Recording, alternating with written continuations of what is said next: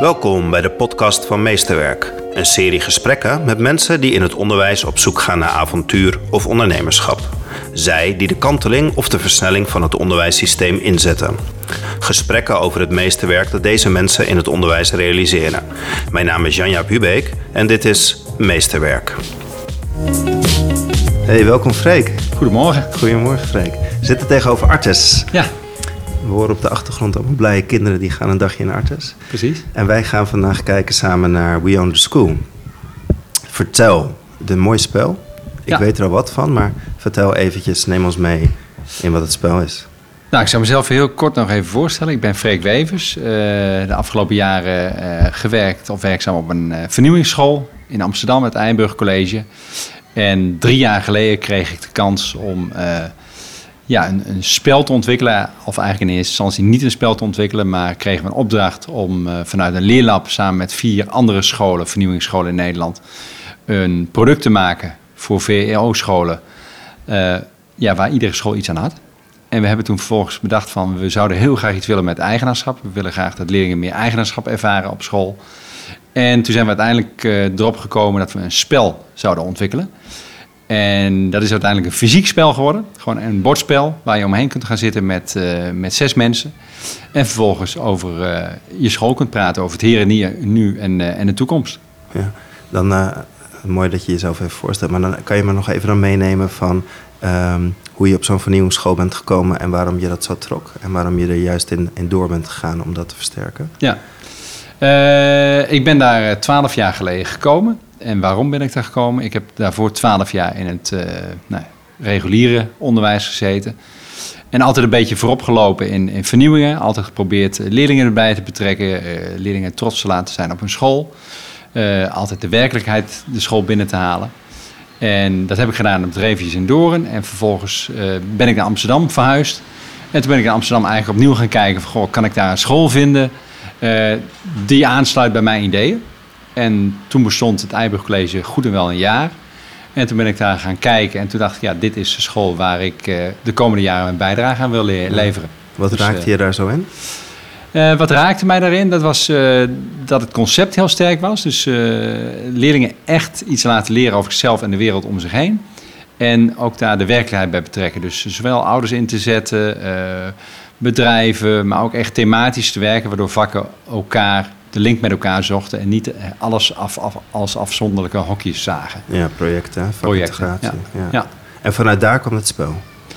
Nou, eigenlijk niet vanuit dat. Eh, we kregen op een gegeven moment vanuit de VO-raad en de schoolinfo, die, eh, die kreeg de opdracht voor de VO-raad om de afgelopen drie jaren leerlabs te ontwikkelen. En als je kijkt naar vroeger, dan was eigenlijk iedere school vroeg zijn eigen subsidiepotje aan voor ontwikkeling in het onderwijs.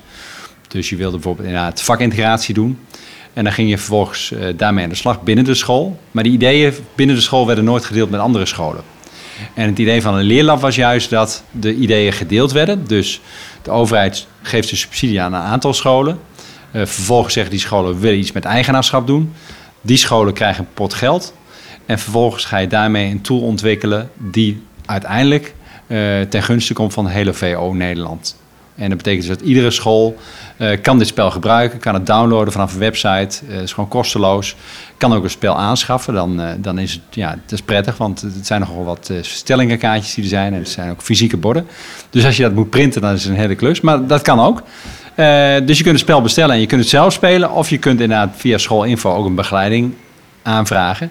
En dan krijg je zeg maar ervaren mensen die het spel ook ontwikkeld hebben, die het spel in je school kunnen begeleiden. Ja, en daar ben jij er eentje van. Daar ben ik er eentje van. Ja. Ja. En dat is heel leuk, want dan kom je op heel veel scholen en je, je merkt dat heel veel scholen bezig zijn met, met eigenaarschap op dit moment. En dat best moeilijk is om dat vorm te geven van eh, waar staan we nu en waar wil je in de toekomst naartoe. En dat is eigenlijk ook de basis geweest van het spel. Dus, eh, En dan gaat het over het eigenaarschap van de kinderen, van de leerlingen Ja, op de school. ja. Om dat te versterken. Ja, daar gaat het in eerste instantie over, want je hebt eigenlijk drie eh, lagen in een school. Dus als je kijkt naar de stellingenkaartjes, heb je de leerlingenstellingen, je hebt de docentenstellingen en de organisatiestellingen. Maar wat we ook zeggen is dat als de docenten geen eigenaarschap ervaren, dan ervaren de leerlingen ook geen eigenaarschap. Dus eigenlijk, ja, die congruentie zit door de hele school. Dus we zeggen, je moet eigenlijk de hele school moet eigenaarschap ervaren en moet ruimte ervaren. En dan kun je vervolgens de leerlingen ook die ruimte geven. Dus je speelt ook het spel met de hele school eigenlijk, op al die drie Ja, lagen. ja je speelt eigenlijk de- door alle lagen heen. Zelfs de, de, de, de conciërge, de OOP, die speelt ook het spel mee. Want die zorgen voor de randvoorwaarden. Dus eh, dat is ook heel belangrijk. Kijk, als jij op een gegeven moment zegt dat docenten zeggen... van nou, we hebben eh, op de gang of op de leerpleinen gaan we plekken inrichten... waar leerlingen zelfstandig kunnen werken... of meer aan hun eigen onderzoek kunnen werken. En ja, wij spreken de onderwijsassistent is daar niet van op de hoogte of de conciërge. Dan zitten ineens de leerlingen veel meer buiten lokaal, om het zo maar even te zeggen. Ja, daar moet je wel eh, op ingericht zijn. Ja, dat vraagt wat anders. Ja. eh, ja. En dat vraagt natuurlijk een andere rol dus van die andere ondersteunende mensen in de school. Oké, dus een school die heeft een, een vraag en die denkt van... hé, hey, ik wil meer met die eigenaarschap.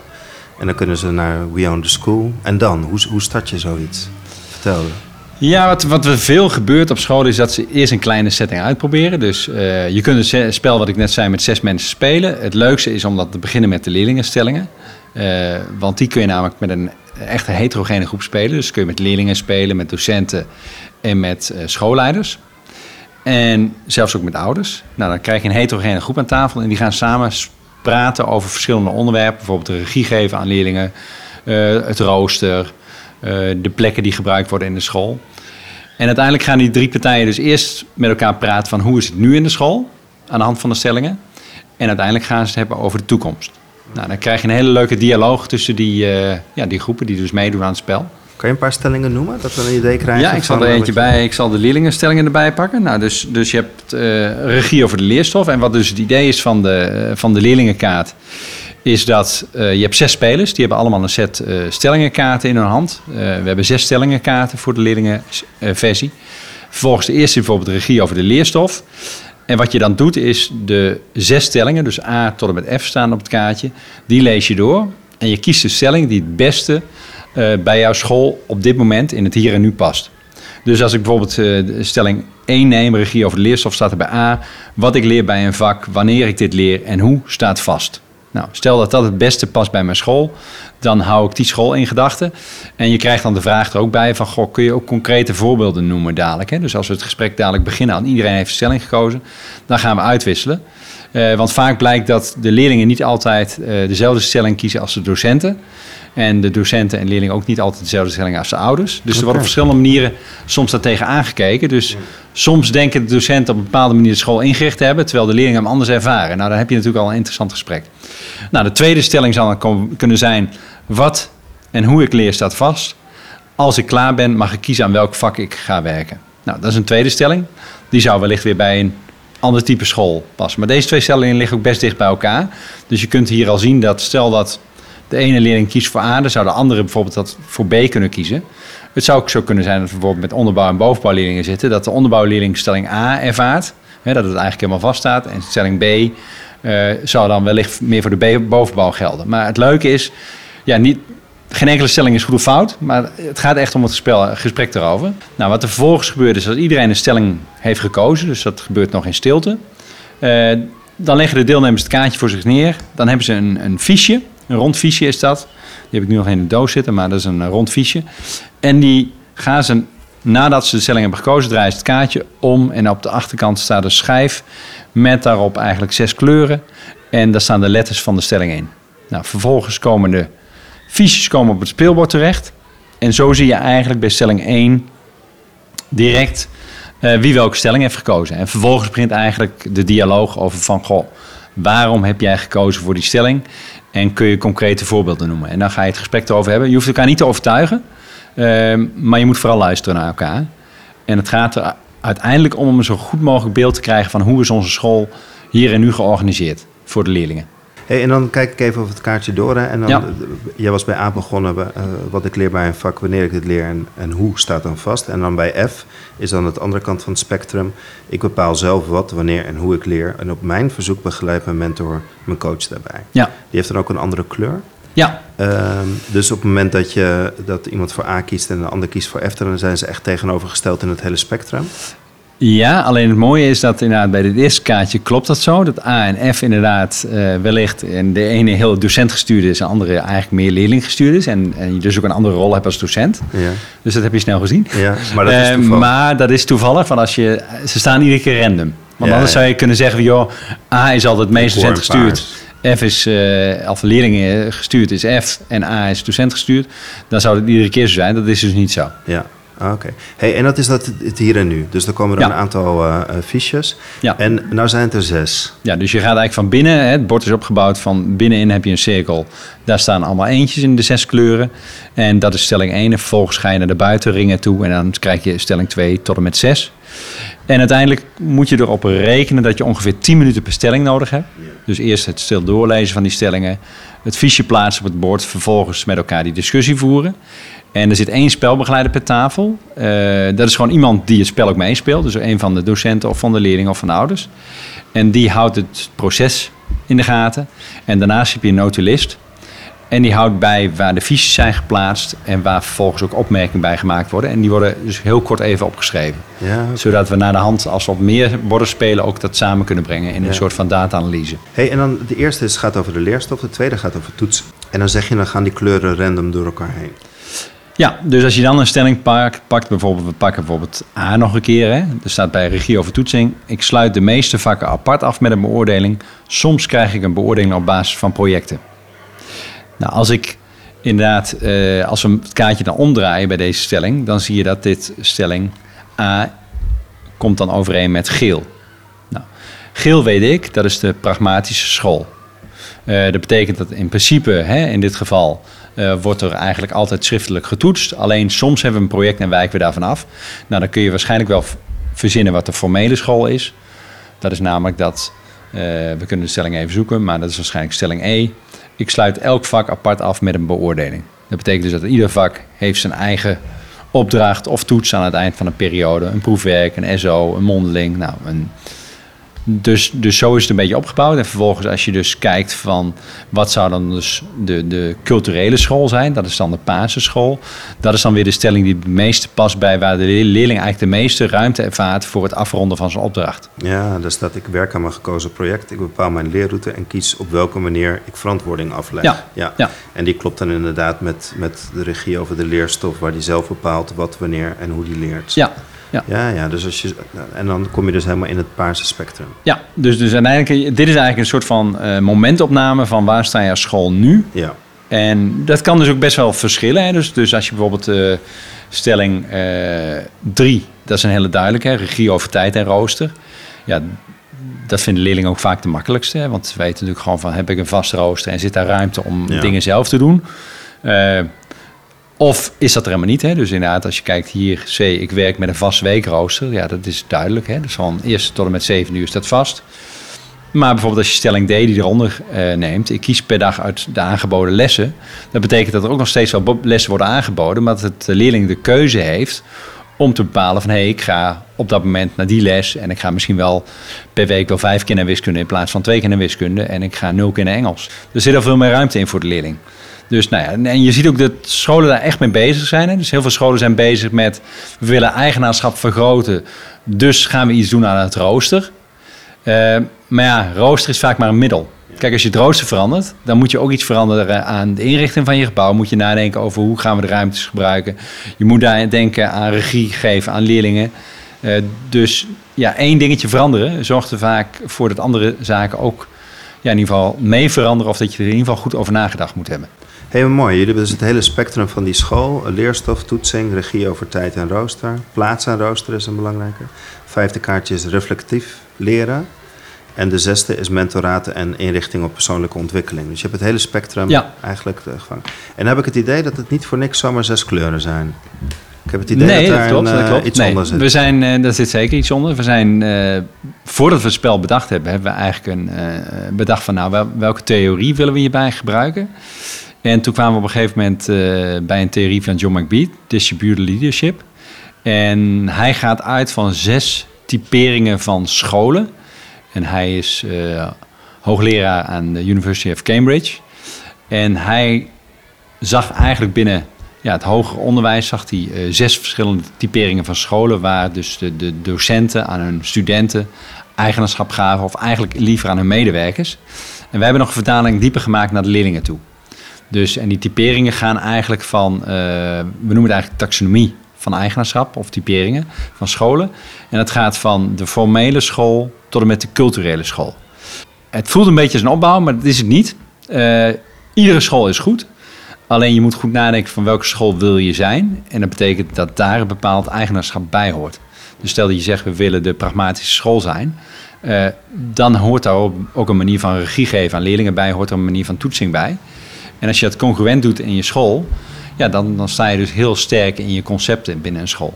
Kan je ze alles eens heel kort ja. typeren of is dat moeilijk? Nee hoor, dat is niet zo moeilijk. Uh, nou, dan begin ik even, dan begin ik even bij het culturele. Ja. Uh, het culturele is eigenlijk de school waar uh, de leerling volledig eigenaar is van zijn eigen leerproces. Dus dat betekent dat hij ja, zelf eigenlijk bepaalt van wat wil ik leren, wanneer wil ik leren en hoe leer ik.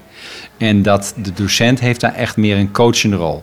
En die, je moet het eigenlijk zo zien dat die coach zit op zijn handen dus dus uh, je bent niet de coach die gaat vragen van... Uh, ja, hoe gaat het ermee? En uh, wat heb je vandaag gedaan? Nee, je wacht totdat de leerling bij je komt. Dus de leerling die legt wel verantwoording af. Maar dat komt uit zichzelf. Nou, bij de competente school en bij culturele school zeg je dus eigenlijk van... het zit echt in het DNA van, van, van de school. Daar wordt niet meer over nagedacht. Dat is er gewoon. En docenten werken op die manier en leerlingen werken op die manier. Nou, de competente school uh, ja, daar is eigenaarschap ook echt al een, groot ding. Daar komen uh, initiatieven van onderaf, hè, dus uh, bottom-up, maar ook top-down. er kunnen initiatieven zijn van leerlingen, van docenten, van schoolleiders. maar er wordt in ieder geval altijd samengesproken over de school en over eigenaarschap binnen de school. dus daar heeft het eigenaarschap al echt een plek gevonden. Nou, als je dan de groene kleur, dat is een beetje een rare term, maar die konden we het moeilijkst vertalen, dat is de incrementele school. En incrementele school gaat erover van dus een school die hele duidelijke doelen stelt. Dus die werkt eigenlijk uh, heel strategisch. Dus die werkt met jaarplannen, met teamplannen. Uh, maar die heeft zich echt het doel gesteld om eigenaarschap van de leerlingen hoog op de agenda te zetten. Dus die zijn nog niet zo ver als de competente school, al helemaal niet zo ver als de culturele school. Maar die zijn stappen aan het zetten. Dus die denken na over van, goh, hoe kunnen wij meer regie geven aan leerlingen. En heeft dat echt een bewuste plek in hun teamplan. Nou, als je dan naar een strategische school gaat, dat is dan de roze op het, uh, op het bord. Ja, dat is een school die werkt echt met ja, strategisch, hè, ook met jaarplannen, teamplannen. Uh, maar daar staat nog niet heel erg precies in genoemd van wat nu eigenlijk zorgt voor eigenaarschap. Dus hebben we allerlei plannen. Er wordt soms wel een aantal besluiten genomen in die teamplannen die, die raken aan eigenaarschap. Uh, maar ze zijn er nog niet heel bewust mee bezig. Nou, de pragmatische school is eigenlijk de school uh, ja, die ik ken vanuit mijn verleden, toen ik op school zat. Ja, dat is eigenlijk een school die gewoon heel strak georganiseerd is. Waar de docent gewoon weet van dit moet de leerling uh, op die momenten doen. En de leerling volgt. Um, en het pragmatische zit er meer in van dat binnen de lessen gebeuren er best soms projecten en de docent doet soms leuke dingen. Uh, of dingen die niet, niet direct uit het boek komen. Maar dat is door docent afhankelijk. Maar dat kun je ook denken aan dingen buiten de school. Dus het organiseren van een skireis of, of een reisje. Uh, maar dat hangt echt aan het individu van de docent. Dus dat zijn meer de pragmatische zaken die dan ook wel gebeuren. En waar soms ook wel eigenaarschap bij komt, maar dat zit nog niet echt ingebed in de school. Nou, de formele school is gewoon een hele duidelijke, strakke school. Waar het gewoon heel duidelijk is van wat de leerlingen moeten kunnen, uh, wat ze moeten leren, wanneer de toetsen zijn. Uh, en leerlingen ervaren daar natuurlijk ook eigenaarschap, maar dat zit meer in het eigenaarschap wat ze zelf aangeven. dat zit niet zozeer in het eigenaarschap van, goh, ik mag binnen les bepalen wat ik ga doen. Dat zit daar niet.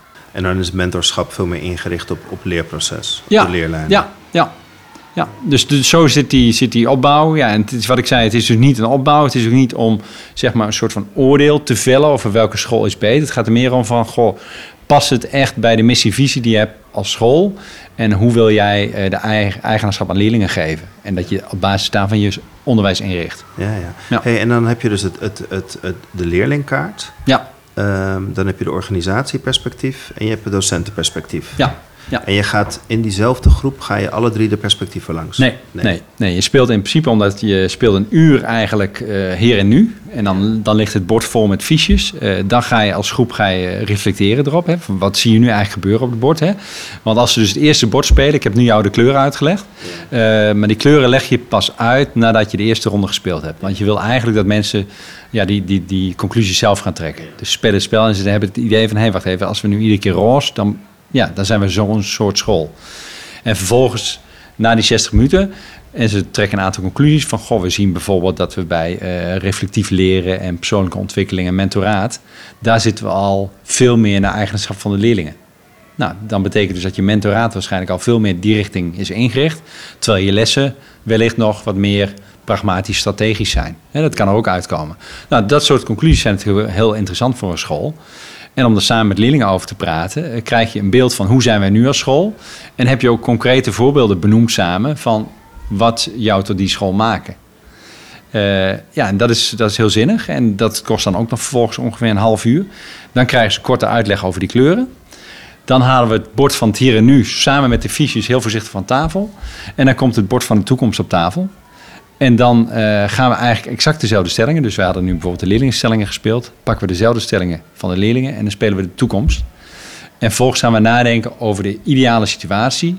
Wat jij als docent of als leerling of als ouder of als schoolleider denkt van nou zo zou ik over vijf, tien jaar het onderwijs in onze school willen inrichten. Of oh, ingericht willen hebben. Het verlangen eigenlijk leg je daar. Precies, ja. Zonder te denken van joh, weet je, we zitten met een gebouw of we zitten met die randvoorwaarden.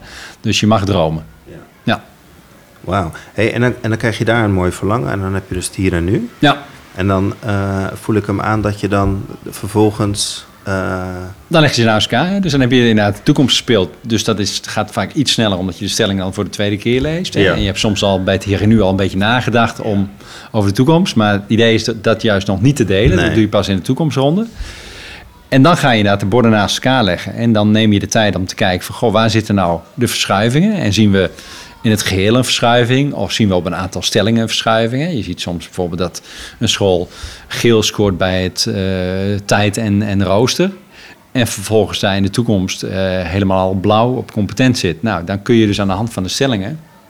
kun je zien wat is dan het verschil tussen een competente stelling op het roostergebied... en een pragmatisch uh, zoals we nu zijn. En welke stap zou je dan willen zetten in de toekomst om dat rooster te bereiken? Je krijgt dan eigenlijk gewoon een heel uitgewerkt plan waar de school nu is en waar ze naartoe gaan. En dan vervolgens kan je een strategisch plan maken van hoe je daar naartoe gaat. Ja, ja. Dat is het idee. Dat, ja, dat, daar wordt het, dan wordt het veel voor gebruikt. Soms is het inderdaad ook gewoon, wordt het ook gebruikt om gewoon met elkaar het gesprek aan te gaan. Uh, maar veelal zie je wel dat of scholen hebben al een koersplan of een strategisch beleidsplan en zoeken daar een concrete invulling voor. En dan gaan ze het spel gebruiken. Want ze hebben natuurlijk vanuit de plannen van uh, twee, leerling 2020 en vanuit leerling 2032. Er zijn hele mooie plannen. En wat je vaak ziet in, in, in visiedocumenten van scholen is dat al die punten, maatwerk, uh, leren in de werkelijkheid, betekenis voor onderwijs, die komen eigenlijk allemaal weer terug.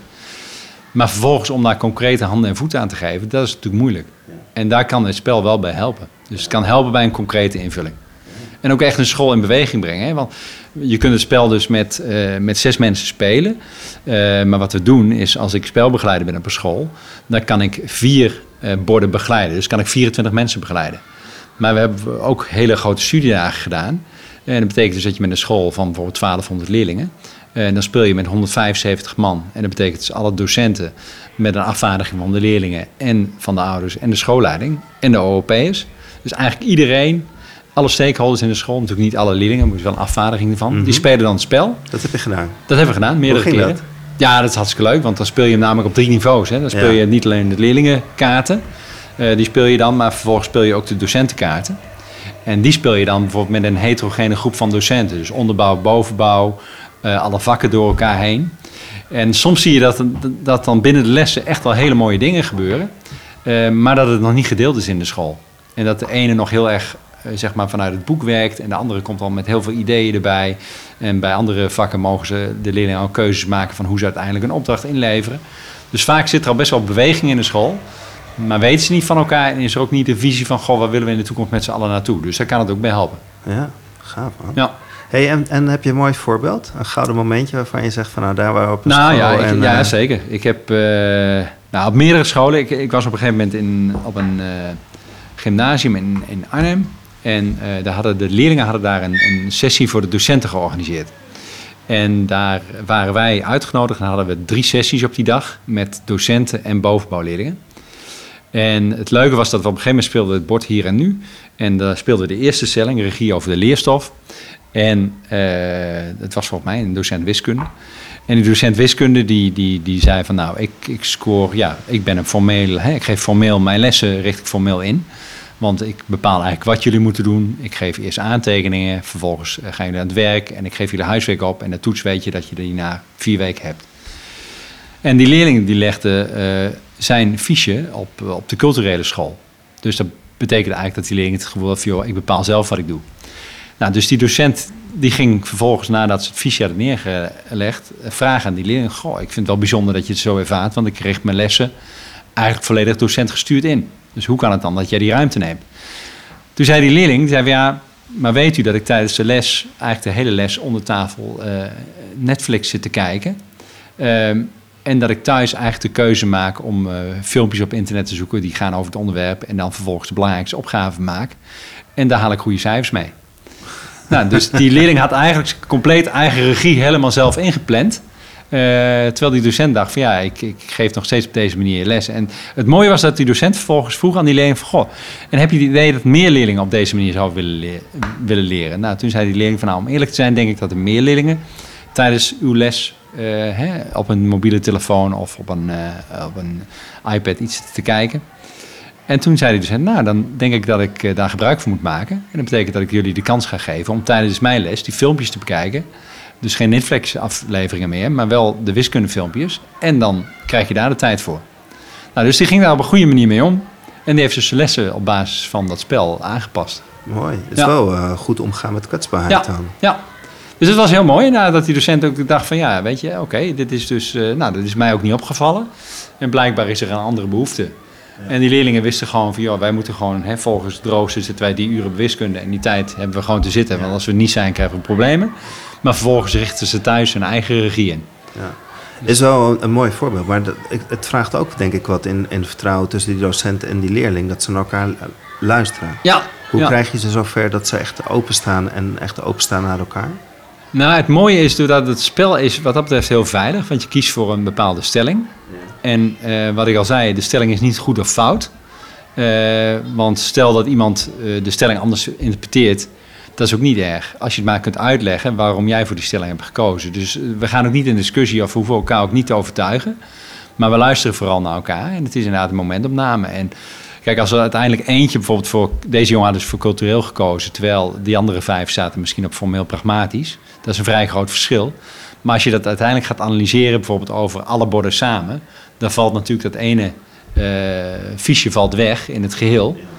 Maar uh, die opmerking die bij, daarbij gemaakt werd, die was zeker zo belangrijk. Ja. ja, en die komt dan weer terug in het verlangen waarschijnlijk. Ja, die komt ook weer terug in de toekomst. In de ja. toekomst, ja. ja. ja. Ja. Hey, mooi. Hey, en en uh, het zijn voorbeelden voor VO-scholen die je net beschrijft. Ja. ja. Is het ook echt voor VO-scholen ontwikkeld? Ja, in eerste instantie wel, want die leerlabs waren voor uh, voortgezet onderwijsscholen. Uh, al zijn we nu sinds april zijn we bezig met een groep leerkrachten het basisonderwijs en directeuren. Want ik heb het spel een keer gespeeld op een VO-school in, in Zaltbommel, was dat. En vervolgens kwamen mensen tegen uit Ouderaad die zelf uh, in het primair onderwijs zaten. En die zeiden, god, dit zou ook voor ons heel erg zinnig zijn om te spelen met ons personeel. En toen hebben we, zijn we met die mensen zijn we aan de slag gegaan. En we zijn nu eigenlijk uh, bezig met de stellingen op te stellen. We hebben eigenlijk 18 thema's bepaald voor de leerlingen, docenten en organisatiekaartjes. En we zijn nu de stellingen aan het opstellen. Oh, je bent wel andere stellingen. Ja, ja, ja, dus daar gaan we ook. Want de leerlingenstelling moet natuurlijk. Een, ja. ja. weet je, als je natuurlijk met leerlingen speelt van 8 tot 12 jaar. Dan moet het natuurlijk in uh, iets andere taal dan we ja. nu hebben gesteld. Maar zijn er ook andere, in het basisonderwijs zijn er ook andere onderwerpen. Ja. Maar de, de basis van het spel kan je gewoon gebruiken. Ja, ja dus het bord blijft hetzelfde inderdaad. Uh, een aantal thema's zullen ook hetzelfde blijven. Uh, maar ik denk dat het merendeel van de thema's wijzigt wel en de stellingen wijzigen sowieso. Ja, ja. ja. Dan heb ik het ook verbonden aan leraaropleidingen. Ik denk meteen van uh, dit moet ook voor leraaropleidingen. Ja, nee, dat is, ja, erbij ja, we hebben het op de HBO's hebben we het ook al gespeeld. Ja. Uh, je kunt het inderdaad met, met studenten spelen. Dat is heel leuk. Maar je kunt bijvoorbeeld ook denken aan, aan leraaropleidingen. Hè? Dus studenten lopen stage op een school. En vervolgens willen ze eigenlijk een beeld krijgen van de school waarop ze stage lopen. En je hebt natuurlijk van je eigen middelbare schooltijd heb je een beeld van een school. Vervolgens kom je op een nieuwe school. Ja, dat zijn twee beelden. Uh, maar jouw medestudenten zitten natuurlijk ook op een heleboel uh, stagescholen. En hoe mooi zou het zijn als je allemaal op je eigen stageschool het spel speelt... en vervolgens dat spel gaat spelen op je opleiding en daar de ervaringen uitwisselt. Nou, dan kom je eigenlijk allerlei thema's kom je tegen van... Goh, hoe wordt er op jouw school regie gegeven aan leerlingen? Hoe zit het op mijn school? Ja, en leer je natuurlijk heel veel van goh, hoe scholen ingericht zijn... en waarom scholen zijn ingericht. Ja, en bij de toekomst heel erg... wat voor type onderwijs zou je willen lesgeven ja. of willen bijdragen? Precies, ja. ja. Gaaf man. Ja. Hey, en um, um, uh, nou is mijn ervaring ook in het onderwijs. Dan, dan zijn we een hele dag hier heel actief mee bezig. Staan we allemaal aan. Ja. Eh, en dan gaan we aan het eind van de dag naar, naar huis. En dan? Hoe krijgt zo'n... Een vervolg. Ja, hoe krijgt het een goed vervolg? Ja. Heb je daar goede voorbeelden Nou, daar van? hebben we goed over nagedacht. Want eh, we dachten, ja, het spel spelen is één. Ja. Is leuk om iedereen erbij te betrekken. Dus, dus dan heb je al draagvlak, hè, want dat is vaak ook een probleem. Want je kunt wel zeggen, goh, we gaan iets veranderen. Maar als dat de voortrekkers zijn, dan zijn er altijd een paar mensen die met de hak in het zand gaan. Dus nou, hier komt een, ge- een gedragen opvatting komt er over de toekomst uit. Hè? Want we kunnen een data-analyse van die borden maken. En dan krijgen ze een rapportage per school. Nou, dan heb je zo'n rapportage en wat doe je er vervolgens mee? Nou, dan hebben wij een aantal instrumenten. We hebben een, een leerlingenenquête die je nog onder alle leerlingen kunt afnemen. Die gaat over growth mindset en over ehm, flow. En we hebben nog een docentenkeuzewijze, die gaat ook over dit soort onderwerpen. En uiteindelijk hebben we ook nog een Socratisch gesprek, die je met een groep docenten kunt voeren over van wat voor ja, type school zijn we eigenlijk en waarom. Hè. Dus dan ga je nog eigenlijk even dieper daarop in, aan de hand van een Socratisch gesprek. En we zijn nu bezig op een aantal scholen om de opbrengst van de spellen en het Socratisch gesprek ook echt om te zetten in eh, ja, eigenlijk een onderwijskundige paragraaf in eh, een strategisch beleidsplan of in een koersplan. Dus daar zijn we echt mee bezig. En daar zijn we samen met scholen gewoon aan het kijken van, goh, op welke manier doen we dat? Eh, we merken dat iedere school dat weer op een andere manier wil doen. Maar daar proberen we in te begeleiden. Ja, ja. En je zegt we? Ja, dus dat zijn eigenlijk de, zijn een aantal mensen, de trekkers eh, van, van eh, We Own School. Die hebben bedacht van nou, we zouden het heel gaaf vinden als dit spel er echt toe leidt dat het eigenaarschap een boost krijgt in het Nederlands onderwijs. En dat betekent dat wij dus die pro- processen kunnen begeleiden. En dat doen we samen met scholen. Dus dan gaan we met scholen overleggen van wat willen jullie? Hè? Willen jullie een strategisch beleidsplan? Wie moet erbij betrokken worden? En dan proberen wij daar een programma voor te maken. En vaak ben je in twee, drie sessies, hè, dan heb ik het over twee, drie dagdelen, dan ben je al een heel eind. En dan kun je denken aan een sessie die gaat over van, nou, wat voor eh, koers heb je, hoe zijn je concepten vervolgens vertaald en hoe, ga je dat, hoe zie je dat in praktijk op de werkvloer terug. Nou, dat kun je natuurlijk heel mooi doen aan de hand van de opbrengst van het spel. Ja. En heb je ook voorbeelden van dat, dat, dat een school in transitie is geraakt door middel van het spel?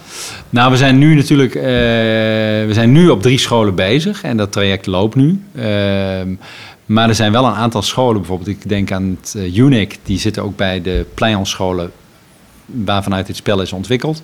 En die hebben in de pilotfase al het spel gespeeld, dus die zijn al iets verder. En die zijn nu echt eh, stappen aan het nemen in hun rooster en eh, regie geven aan leerlingen. En die hebben echt de input van het spel erbij gebruikt. Dus je merkt wel dat, eh, dat het, zet echt iets aan en brengt echt scholen in beweging. Nee, ja, misschien is het nog goed om even te vermelden dat wij dus de laatste maanden ook heel hard bezig zijn geweest met, met de analyse van het spel. Hè? Omdat je dus, ja, je haalt heel veel opbrengst. Hè? Dus als je maar met 175 mensen in een school speelt, dan krijg je ook enorme opbrengst. Eh, ik zit vanavond op een ouderavond, dan spelen we het ook. Dan haal je dus bij de ouders op van hoe zij tegen de school aankijken... en hoe ze eigenlijk de school in de toekomst van het kind het liefste zou willen zien. Ja, dat is natuurlijk een hele mooie opbrengst. En we dachten van nou, als we die opbrengst nou kunnen genereren... en vervolgens daar een mooie rapportage van kunnen maken... ja, dan is het ook niet weg na zo'n spelsessie. Je hebt het erover gehad, maar dan ligt er ook echt iets op tafel. Ja, en dan, dan kun je vervolgens de volgende stap nemen. Dus nadenken van hoe gaan we daar nu echt iets mee doen. Ehm, ja, en dat is dus vooral ook heel goed om de scholen die nu het zelf aan het spelen zijn, om nu ook echt na te laten denken van ja, wat wordt die vervolgstap? Want heb je het alleen maar op een studiedag gespeeld en was het leuk? Of heb je het bijvoorbeeld met zes mensen in de school gespeeld en heeft het wel een beeld opgeleverd? Maar dat wil niet zeggen dat er een verandering Nee. op gang komt. Nee, Dus- nee, maar je zet in ieder geval denken aan. ja, dus Ja. Dat, is, eh, dat is een hele Ja. mooie. Hey, hoe, eh, hoe kunnen we je vinden? Of jullie vinden, moet ik zeggen. Nou ja, het is heel makkelijk. Eh, het spel heet We Own the School. Dus dat is de website uh, weownthe.school.nl. Dus dat is heel makkelijk. Ja. En vervolgens kun je daar eh, ervoor kiezen inderdaad om het spel te downloaden. Hè. Dus dan kun je gewoon alle stellingen alvast zien. Je kunt zelf bij spreken ervoor kiezen om het uit te printen en het zelf eh, te spelen. Je kunt het spel dan ook bestellen via schoolinfo voor kostprijs. En je kunt in feite ook een begeleide spelsessie dan aanvragen. En daar staan ook de vervolgtrajecten op. Ja. Dus eh daar kun je alles na, nalezen en je kunt de aanvraag doen. Ja, wauw. Ja, Gaaf man, dankjewel Freek. graag gedaan. Alsjeblieft.